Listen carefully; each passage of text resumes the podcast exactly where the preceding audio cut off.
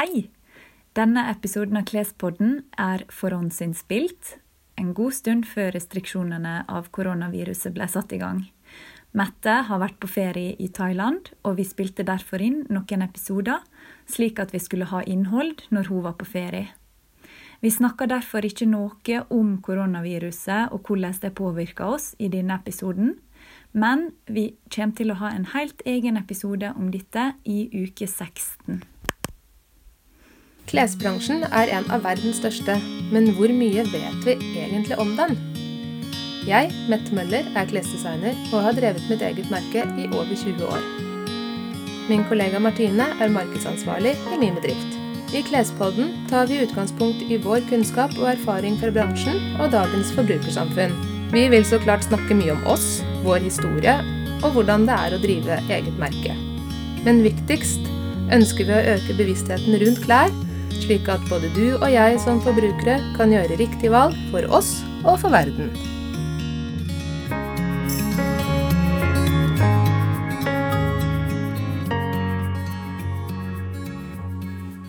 Eh, Da er vi kommet til del fire av Mettes historie.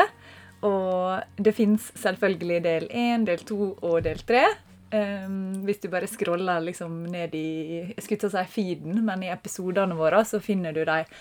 Det er litt lurt å høre på dem først, men uh, Men du kan jo begynne der du vil, hvis du absolutt Hvis vi ikke har noe sammenheng i det hele tatt, så kan du begynne på tre, og så kan du ta én. Og, Ja. ja. Det er helt lov. Vi skal Ja. ikke komme hjem og arrestere, men det kan være lurt å begynne på starten. ja. Så dette her er da del fire. Del fire. Og eh, sist gang så snakka vi litt om kundesøm, og hvordan du på en måte starta for deg sjøl, og, og um, hvordan hele ballen begynte å rulle. Eh, og nå er det på en måte en, ja, en fortsettelse, da. Mm.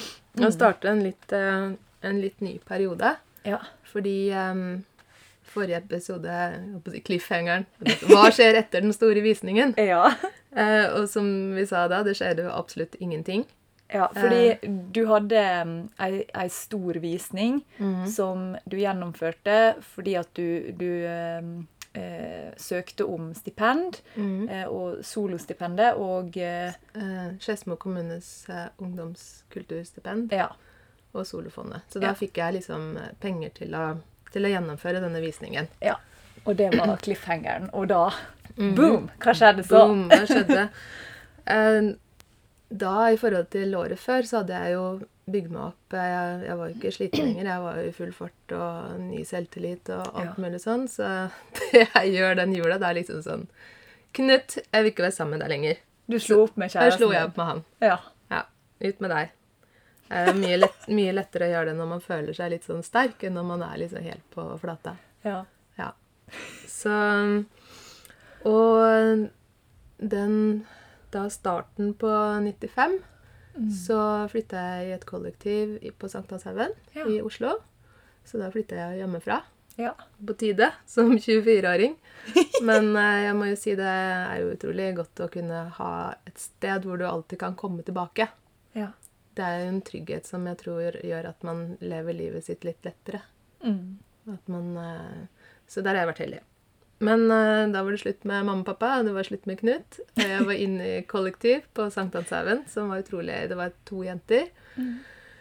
Utrolig koselig, og utrolig sånn kollektiv, kollektiv, hvor folk eh, kom og gikk uh, hele tiden, og store vennegjenger og sånne ting. Og plutselig så bodde det en til på et rom, og så en til på et rom, og på et tidspunkt så Hva adresse var dette her? Det er litt morsomt. Ja. Plutselig så hører jeg den personen som bor der nå, Ja. på Herman Foss gate 7, tror jeg det var.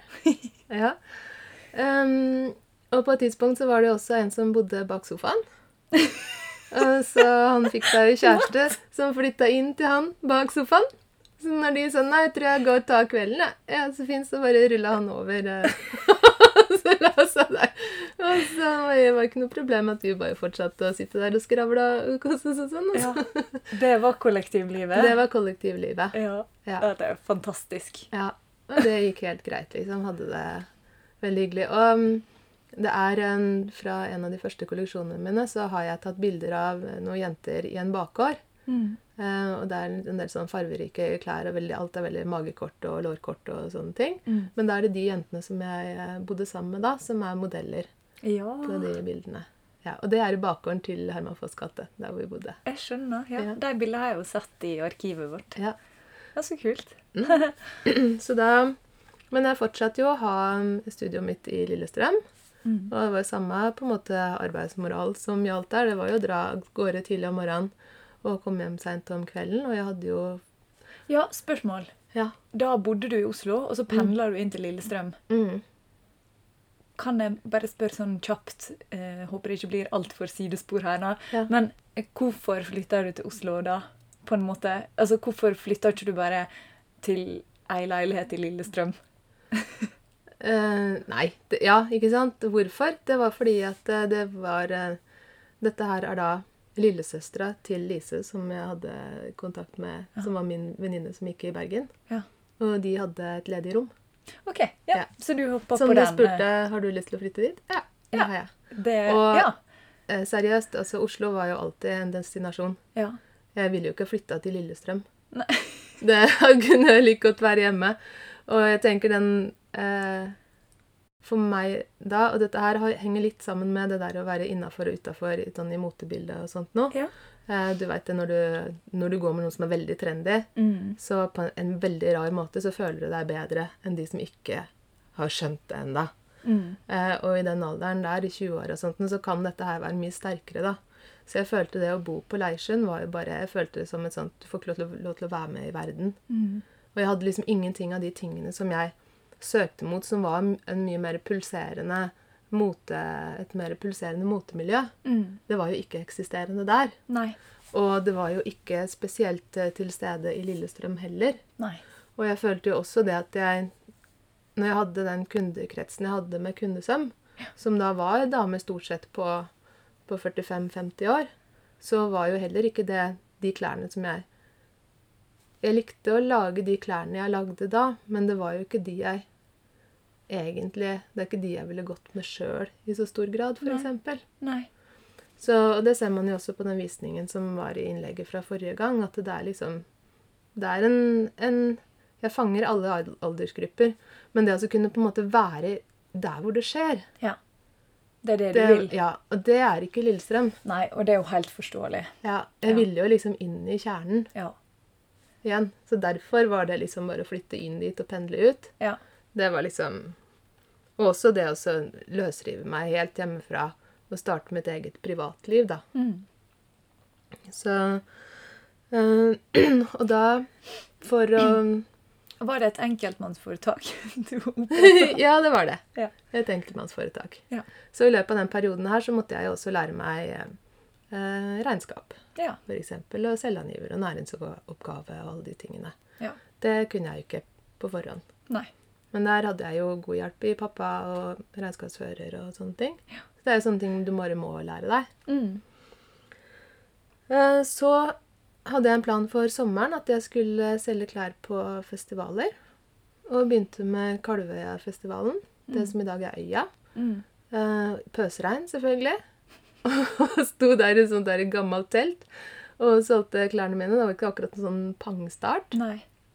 Hva, hva gjorde du for å få lov til å selge på de festivalene? Du må bare ta kontakt med ledelsen da, i de festivalene og si at jeg har lyst på en sånn standplass Ja, og selge klærne mine. Og dette er de klærne jeg har tenkt å selge. Og så var det bare ja. det er veldig smart, da. Mhm. Og så betalte du en avgift da for å stå der. Ja. Ok. Ja. Så det er ikke verre enn det. Nei. Um, og det var uh, Første gangen gikk det ikke så bra. Og alt er, dette er veldig sånn væravhengig. Ja. Men så dro jeg til Kvartfestivalen. Dette er sommeren 95. Eh, Kvartfestivalen i Kristiansand. Og det gikk kjempebra. Da solgte jeg, og det var så helt sånn overraskende på meg, at liksom det bare rant ut med klær, liksom. Ja. Og da hadde jeg bare satt sammen en sånn derre Jeg sydde alt mulig rart. Men det var veldig sånne korte topper. Ja. Og en del sånne stretchy, jersey ting. Og dette her var jo liksom i midt i den rave-perioden. ja. Og jentene ville jo ha ting som de kunne ha på seg som strakk seg. ikke sant? Mm. Og det var jo overgangen fra også fra veldig grunge til mer tekno. Mm. Så Og da sto jeg ved siden av Standen ved siden av meg var han som starta en butikk i Arkaden som heter Den siste planeten. Som var en veldig kjent butikk eh, på den tida, eller den blei det. Mm. Fordi de solgte mye tøy til akkurat det segmentet, som ikke hadde noe annet sted å henvende seg da, på en måte. Ja. Eh, hvor du trengte klær du kunne danse i. Ja. Og det skulle være magekort, og det skulle være tight, og det skulle være elastisk. Mm. Som passa meg helt ypperlig. Ja. Eh, men jeg hadde jo gått på videregående med han Geir Hedden. ja. Eh, og han så jo at jeg solgte som hakka møkk. Ja. Og han sto der, og dette var en kjempefin sommer. Det var kjempevarmt og strålende sol. ikke sant, Juli, Kristiansand. Og han solgte jo ytterjakker. Det var helt riktige ting han hadde også. Det var liksom fullstendig feil sesong, da. Åh. Eh, men uh, når vi var ferdig med festivalen, det var de to jeg var på den sommeren, Ja. så tok han kontakt med meg på høsten fordi at han trengte klær til butikken sin. Og han hadde jo sett at jeg hadde ting som han Solgte. kunne selge. Ja. Så da var det jeg husker jeg dro på Stoff og Stil i Drammen.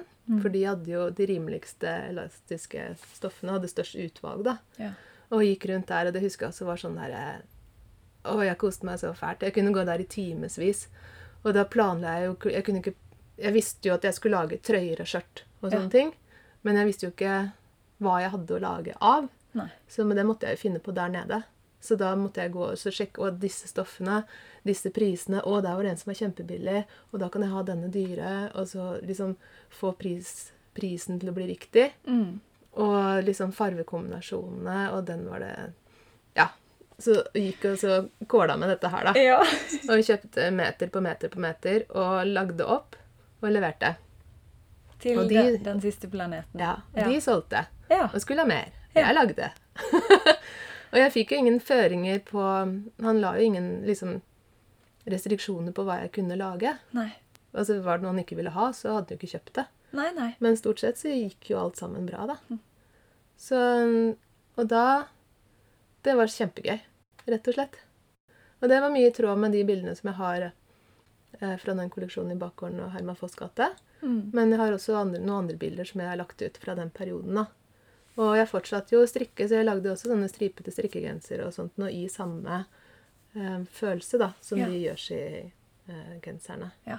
Og alle disse bildene får dere selvfølgelig se i eh, bloggen vår. Ja. Og den har jeg linka til i episodebeskrivelsen, så der kan du bare gå inn og klikke deg inn, og da kommer du rett inn på alle disse bildene av de første kolleksjonene til Mette. Ja, de første små kolleksjonene. Ja, Etter den kjempestore, da. Ja. Så det var egentlig en veldig sånn hyggelig tid. Altså da, da var det veldig spennende sånn privat ved å bo i det kollektivet og bli kjent med mange forskjellige mennesker. Og var jo veldig mye ute på byen og veldig mye ute og dansa. ja. Um, og Så det var liksom jobb. Og da kun, gikk det jo ett også. Jeg Mm. kom jo hjem seint på kvelden, og, så, og da var det jo sånn Nei, vi kan ikke gå ut på byen før klokka er ett liksom om natta. For da var det aldri de kuleste gikk ut på byen klokka ett. Altså, nei. Å, herregud. Ja, og så var de ute og danse årene og sånn, og Så kom jeg hjem, og så var det opp og kjøre ut til Lillestrøm dagen etter, da. På jobb. Oh, Så jeg blir bare- sliten bare av å høre på det. Ja, jeg òg. Jeg tenkte herregud. Var et, sånn I seinere tid tenkte jeg åh, for det var jo enda bra jeg brukte all energien min. Det er sant. vi var ute og drakk eh, litt vin i går, Ja. og vi var jo i seng klokka ti. ja. Og så var det opp og på jobb og, i dag, og jeg er bare så sliten. Jeg syns det sier mer om deg enn om meg, da. Jeg har faktisk lov til å være litt sliten. Det er sant. Ja. Men det var eh, Så lenge du har det gøy, så går det meste. Ja, sant. Ja. Og så eh, jeg, jeg bodde i det kollektivet et halvt år. Og så flytta jeg til et nytt kollektiv i sentrum, i Pilestredet. Mm. Og da ble jeg litt sånn eh, Hun som hadde på en måte hovedansvaret for det kollektivet, flytta ut. Og da fikk jeg ansvaret for um, å betale husleie og ta, få inn husleie fra de som bodde der, og få inn folk som bodde der og sånt noe. Mm. Og det var jo også en læring. Fordi du bruker deg jo som banken, ikke sant? og ja, det var, det var litt slitsomt kollektiv. Ja. Fordi det var en fyr spesielt da, som var sånn pappaen hans som betalte husleia. Ja. Og så hadde de hatt en sånn derre eh, politisk diskusjon da, hvor faren hadde sagt at hvis ikke du eh, Eller var ikke politisk, men liksom politisk i forhold til hva han skulle gjøre med livet sitt og sånne ting. ja. Ja, Og så nekta han, og så ville ikke faren betale husleie. Og Men så, var det da ditt ansvar? Ja, nei, det er jo ikke det. Nei. Men så sier han Men Mette, jeg kan jo liksom ikke gå mot mine prinsipper da, i forhold til far. Men det, det gir jeg en lang benge, ikke sant? Men det er jo ikke Du må jo betale husleie, hvis ikke så kan du ikke bo her. For at jeg kan ikke Jo, men, eh, jo, men jeg, hva syns du jeg kan jo ikke gå imot meg selv. Nei, men da får du ta med deg tinga dine ut på gata da, og være deg sjøl der. Fordi at jeg gidder jo ikke betale for dette. Nei. Dust! Ja, men Mette, da? Nei. Så, så det var litt slitsomt. Men ellers så fortsatte jo, fortsatte jo det året. Mm. på, på det viset. Og Planeten og Kundesøm og KK-oppdrag. Eh, så er det først i eh, 1996 Faktisk så det der året høsten Eller hva skal jeg si, det året 1995 er litt sånn diffust for meg. Jeg, kan ikke helt skjønne, Åpenbart. jeg kan ikke helt skjønne det. Det var liksom ikke Så det var, jeg tror, fra den store visningen, og så at jeg flytta ut til kollektivene, og så går det egentlig sånn rundt og rundt. Ja. Med, med fest og jobb og fest og jobb og Ja. festivaler og sånne ting. Og så neste store tingen som skjer, det er at eh, jeg får et atelier i, på Grünerløkka. Mm. Og da er det også samme måte. Da var det Atle som sier eh, Mette, har en kollega som eh, leier ut eh, et eh, lokale der hvor du bor. Har du lyst på det? Ja, det har jeg lyst på. Så fint. Da tar du det. Det er på en måte alle andre rundt det i livet ditt som har på en måte bare forma nesten veien din, og du Ja. har bare, Ja, du ja. har bare jobba på, du, og så kommer det opp en mulighet, og så OK, da Ja. gjør vi det. Og så vi- gjør vi det. Ja, så det er liksom bare bare ramler inn. Mm. Og det, det atelieret var jeg jo i 20 år, tror jeg. Ja. Fordi at ingen kom med noe bedre tilbud. kunne ramle innpå. Men det var, dette var da i 96. ja. våren 96, og det var jo en veldig fin tid å komme til Grünerløkka på. Fordi at da hadde jo Når jeg gikk på skolen der i Da gikk jeg ut i 93. Da var det jo ingenting der. Det var to kafeer, en brun bule, og så var det en annen enn Tamara. Den er jo der fremdeles. Ja. Det var liksom de to stedene. Og så kom eh, Kjøkkenhagen, som seinere ble Fru Hagen Ja. som nå er eh, Tommys Brygger. Men eh, eh, Så det var liksom ingenting sånne Og det var ikke noen butikker eller noe sånt noe. Så, jo. Den eh, Scorpius var der. Selvfølgelig. ligger-. Jo, men ja, den har vært der liksom alltid, alltid, alltid. Det var liksom 20 år før min tid også. ja. Men den er jo der fremdeles. ja. Jeg skjønner ikke hva det er de selger der. jeg. Det er masse sånn der Buddha og røkelse og skikkelig sånn Bali-frike-ting. Ja. Det holder stand, det. Det kommer, som jeg har sagt, det kommer jo alltid nye som ikke veit noen ting. Ja. Så oppdager de det. Da syns det er utrolig eksotisk. Og det er jo det første gang. ja. Etter 40 år så er det ikke det lenger. Nei. Nei. OK, Ja. Men eh, Og da når jeg flytta dit, da, så begynte jo å poppe opp en god del sånne småkafeer. Mm. Det var um, masse sånne små um, uh, uavhengige butikker av alle slag. Og det ble veldig sånn nisjete og veldig, veldig trivelig sted å være. Det var veldig ungt og kreativt. Mm. Og der hadde jeg jo allerede noen kollegaer som jeg hadde gått på Esmod sammen med. Og det var ett steg foran. Og Balder klesdesign. Balder og drev med klær. Nei, selvfølgelig klær. Eh, herreklær. og, så, og så ble jeg liksom tatt med i miljøet av dem. Mm. Og da var jeg akkurat som en sånn liten eh, lærling ikke sant, som bare hang med. Eh, Men jeg kunne jo tingene mine og hadde jo ting å, å komme med og sånt nå. Mm. Så i løpet av den høsten der så etablerte jeg atelieret. eh, Og jeg etablerte meg i det miljøet. Ja. Og så da var det jo moteuka i Oslo som gjaldt. Og der er det jo to ganger i året. Det er jo februar og i august, så er det moteukene. Og da var jo eh, mote Eller klesmiljøet i Norge var jo helt annerledes. Mm. Der var det jo helt vanlig mest med individuelle butikker. Som eh, alle merkene møtes på en messe. Litt sånn som når vi var på den Deni-messa. Ja. Eh, de viser varene sine. Forhandlerne går rundt omkring og sier vi skal det merket og det merket og det merket. De og de tingene. Og så, sånn foregikk kleshandelen. Nå så er det okay. veldig mye kjeder hvor alle har på en måte Butikkene bare får det som kjeden har bestemt at de skal ha. Mm. Mens da var det de individuelle butikkene som råda. Så da var det jo, som små designere, så var det jo det å på en måte få plass på denne messa, da. Mm. For det var jo, det var jo dyrt for hver enkelt. Sånn at um, det var første gang jeg var med i et sånt uh, Designere går sammen for å synes bedre, for å slå et lag for norsk design. Og når jeg har sånne avisutklipp og sånn fra den perioden, så er det veldig mye sånn Nei, norsk design er ikke traust. Nei, det er ikke bare selbukofte og bunad og Og det var liksom der det, der det OK. eh, Inntrykket av hva norsk design var, Ja. lå, da. At det var veldig sånn Det var ikke noe smykke seg med norsk design, liksom. Nei. Eller var De vi hadde da, kanskje, det var jo sånn som Pers bok, som var i Paris. Så man er veldig opp til. Eh, Du hadde jo en del av de som gikk på eh, Kunsthøgskolen. Som eh, Som var Men det gikk veldig mye Og eh, Julie Skarland var vel da.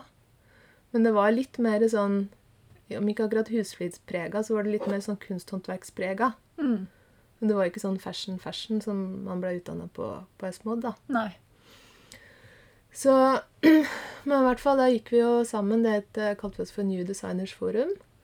Og fikk forhandla med Motuka i Oslo og fikk plass på, på Motuka. Fikk et eget sånt designert område.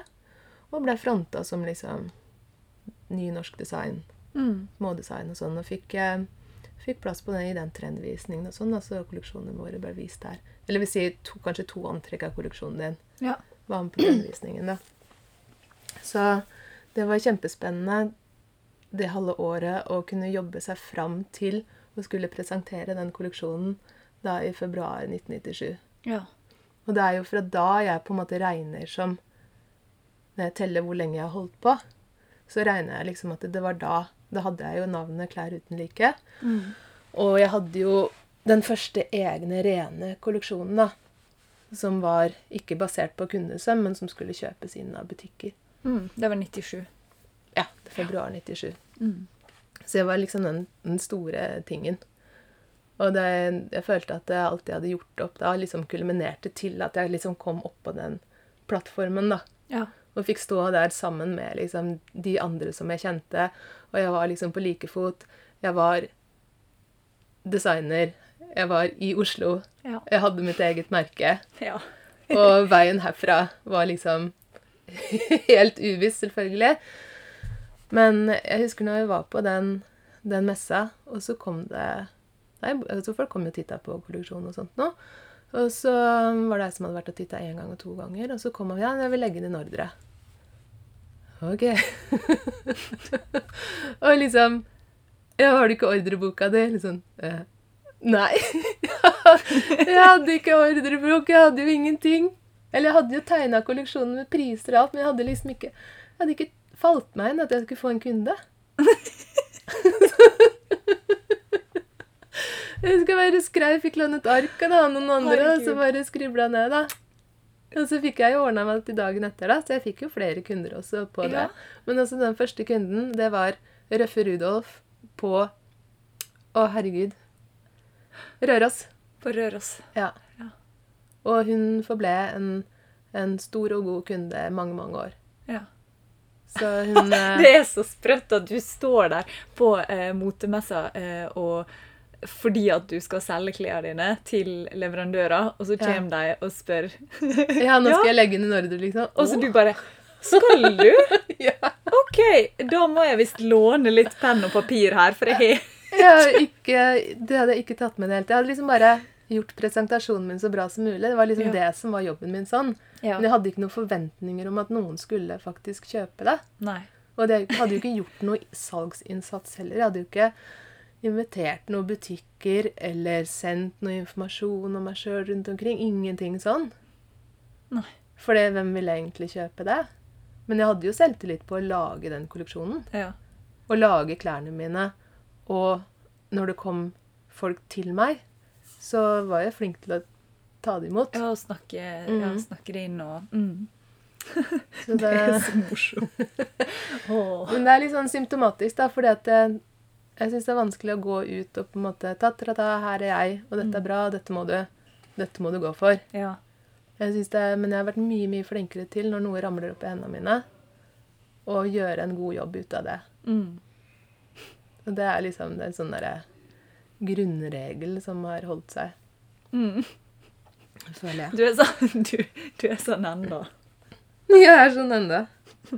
Så jeg må bare leve med det. Ja. Etter 50 år kan jeg lære meg å leve med det. Det er godt. Det er godt. Det er godt. Men det som er litt interessant, er det at eh, i New Designers Forum så var jo også Eva Emanuelsen, som har merke som heter Epilog. Ja. Og jeg gikk jo også på Esmod sammen med Eva. Ja. Og nå når vi flytta inn i posthallen her i Oslo, så flytta Eva inn eh, rett ved siden av meg. Hadde studiet der en periode. Ja, det har du. Ja, Så det er litt gøy at vi har liksom fulgt hverandre, da. Så det var et hyggelig gjensyn eh, når hun var her. Ja. Og når jeg da nå går gjennom alle de eh, utklippa og, og liksom prøver å sette opp denne historien kronologisk, da, Ja. så, så popper hun jo opp. ja hele veien, liksom. Ja. Åh. Men eh, fordi det som er litt morsomt, er det at eh, jeg var jo med i en designkonkurranse når jeg gikk på Esmod. Ja. Og der var jo selvfølgelig også Eva med. Mm.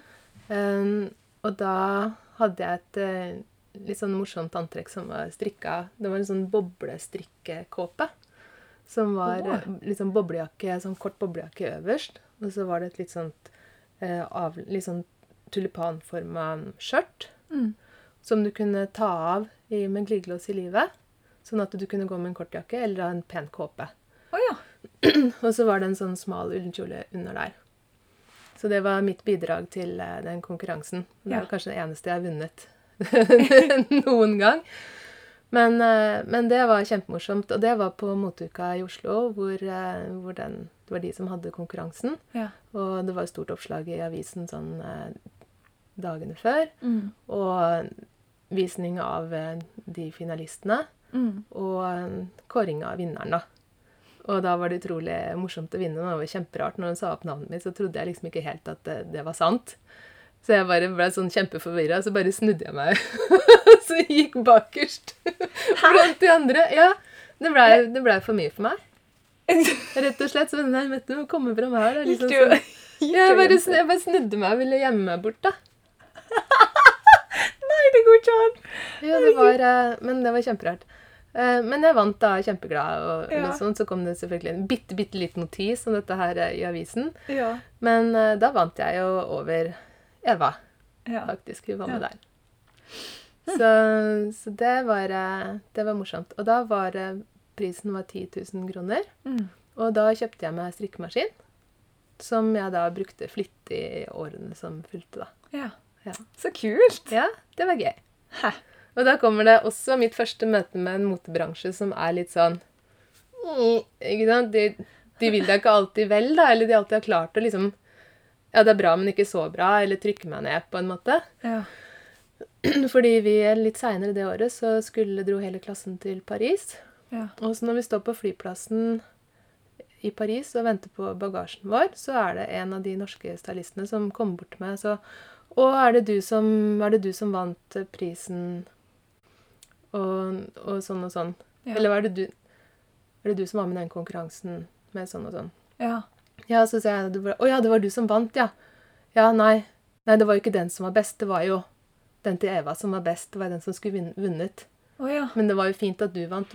Men hun hadde sånn, fortalte meg at hun hadde et sånt teknisk problem da, på innsiden. Hun hadde rota det til med fôr eller noe sånt. Oh, ja. Var det Sånn- en stylist som kom og sa det? Mm. OK. Så det var liksom sånn Hyggelig for deg at du vant, da, men det var ikke du som var best. ja. Ja, men det er jo én persons mening, da. Jo, jo, men det er likevel hvorfor. Du er jo i den bransjen, og du Mm. står med en ung person foran deg som har vunnet noe, og så har du liksom behov for å fortelle at det Ja, det er ganske kjipt gjort, altså. Ja, men det er litt sånn, Herregud. litt sånn typisk, Ja. føler jeg, da. for den, den bransjen. Jeg har alltid vært litt sånn skeptisk, liksom.